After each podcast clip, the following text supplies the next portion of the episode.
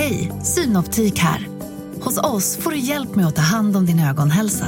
Med vår synundersökning kan vi upptäcka både synförändringar och tecken på vanliga ögonsjukdomar. Boka tid på synoptik.se.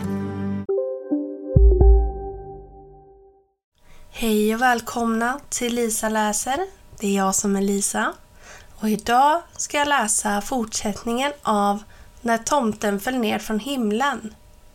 När Ben slutade skolan klockan ett var han på jättegott humör. Mike hade faktiskt låtit honom skriva av hans prov utan att säga ett knäpp. Och för första gången hade Ben inte bara suttit och tuggat på pennan och gissat under ett matteprov. Två fel hade han gjort med avsikt för att det inte skulle verka misstänkt. Fast det skulle nog verka misstänkt i alla fall. Men det struntade han i. Visslande sprang han över skolgården och bestämde sig för att inte gå raka vägen hem. Vad skulle han göra där? Hans föräldrar skulle inte komma hem före klockan sex. Gott om tid alltså för att hälsa på hos Jula. Ben fick knacka fem gånger innan Jula kom och öppnade. Han var fortfarande klädd i pyjamas och gäspade stort. Nissarna och änglarna låg och sov. Överallt kunde man höra svaga snarkningar. Ojsan, ursäkta, stammade Ben. Jag, jag trodde... Jag menar... Jaså, är det du? utbrast Jula glatt. Kom in, kom in fort. Annars blir det som ett kylskåp här inne. Ben satte sig på samma stol som dagen innan. Allt var precis som dagen innan. Precis lika härligt. Men är klockan redan ett? Jula tittade misstroget på sin väckarklocka. Oj, oj, oj, nu har jag försovit mig igen. Men ingen av de andra latmaskarna väcker mig ju. I skolan, sa Ben och såg sig omkring. I skolan idag berättade de så konstiga saker. Jaså minsann? Jula ställde en kittel på spisen. Konstiga saker? Ja, om gyllene nötter och glittrande dörrmattor och Ben tog upp ett äpple ur jackfickan med ett skaft som såg ut som en liten julgran. Och såna här! Ja, ser man på, ser man på. Ja, det är inte långt kvar till jul nu. Vill du ha lite varm choklad? Ben nickade och stoppade försiktigt ner äpplet i fickan igen. Som om han var rädd att det kunde gå sönder. Jag måste ha en kopp kaffe, sa Jula medan han hällde lite kakaopulver i en stor mugg och fyllde på med mjölk. Eller snarare två. Två jättestora koppar kaffe. Svart som en midvinternatt. Min pappa undrade vad du... Ben harklade sig. Vad du gör här. Jag sa att du var klimatforskare. Klimatforskare? Det var inte illa. Det hade jag aldrig kommit på själv. Utanför hördes röster. Röster och en hund som flåsade högt precis utanför Julas dörr. Låt bli! ropade en flickröst. Låt bli det där, vips! Jo, jo, hunden tycker också att det här är märkligt, sa en kvinnoröst. Med den här medfarna husvagnen som plötsligt står här. Jo, det ser ju just snyggt ut. Och titta på gatskylten som den ser ut. Jula kikade försiktigt ut genom fönstret. Det bor en kar i den, hördes en annan röst. En lång, mager en. Man borde ringa polisen. Hunden började krafsa på dörren. Jula drog snabbt på sig ett par byxor och en tröja utanpå pyjamasen och stövlarna borstade sitt rufsiga hår och stänkte lite vatten i sitt nymånade ansikte. Sedan blinkade han konspiratoriskt åt Ben och öppnade dörren med ett vänligt leende.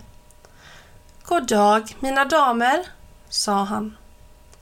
Ben tittade nyfiket ut genom dörren och kände igen kvinnorna som stod utanför. Den ena av dem var hon som hade butiken borta på hörnet och de andra bodde på gatan. Bredvid dem stod en flicka med en stor svart hund. Hon hade flyttat in på Dimgatan för ett år sedan, gick i samma skola som Ben och alla kallade henne för Musansiktet. Förvånade lyfte alla fyra blicken mot Jula. Får jag lov att presentera mig? sa Jula.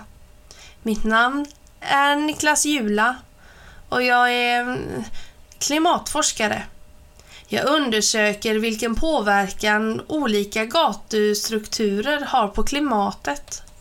Vi är um, oroliga för den eh, rikliga nederbörden. Mycket oroade. Ja, och då ber jag att få önska damerna en trevlig fortsättning på dagen. Jula bugade sig och skulle just stänga dörren igen. Men musansiktets hund hade stuckit in nosen innanför den. Ojsan, sa Jula och log mot flickan. Det ser ut som om din hund är intresserad av min forskning. Vill du inte komma in med den och dricka en kopp varm choklad? Som du ser, sa han och pekade på Ben som blev knallröd i ansiktet, så har jag redan besök. De iakttagelser barn gör är nämligen synnerligen intressanta för mig eftersom barn har ett mycket bättre iakttagelseförmåga än vuxna. Musansiktet tittade frågande på en av kvinnorna som tydligen var hennes mamma. Ja, din mamma får gärna komma in också, sa Jula. Jag har precis satt på kaffevatten. I samma ögonblick kom en liten nötknäppare stolpande ut mellan benen på Jula och stod på huvudet nedför trappen. Musansiktet började fnissa och lyfte upp honom. Jag måste gå och handla, Charlotte, sa hennes mamma. Om du vill kan jag komma tillbaka och hämta dig om en stund. Charlotte nickade och hunden drog in henne i vagnen. De båda andra kvinnorna sträckte nyfiket på halsen men Jula stängde vänligt men bestämt dörren framför näsan på dem. Förundrad såg sig flickan om i Julas vagn. Varsågod, sa hon och räckte nötknäpparen till Jula. Hennes hund nosade ivrigt omkring under bordet. Ben betraktade flickan och hunden med skeptisk min. Han gillade av princip inte tjejer och absolut inte den här med sina små uggleögon och sitt tändstickskorta hår. Men slå dig ner, sa Jula och sköt fram en stol åt sin nya gäst. Vad heter du om jag får fråga? Charlotte, sa flickan så tyst att man knappt uppfattade vad hon sa. Vackert namn, Jula gjorde i ordning en kopp choklad till.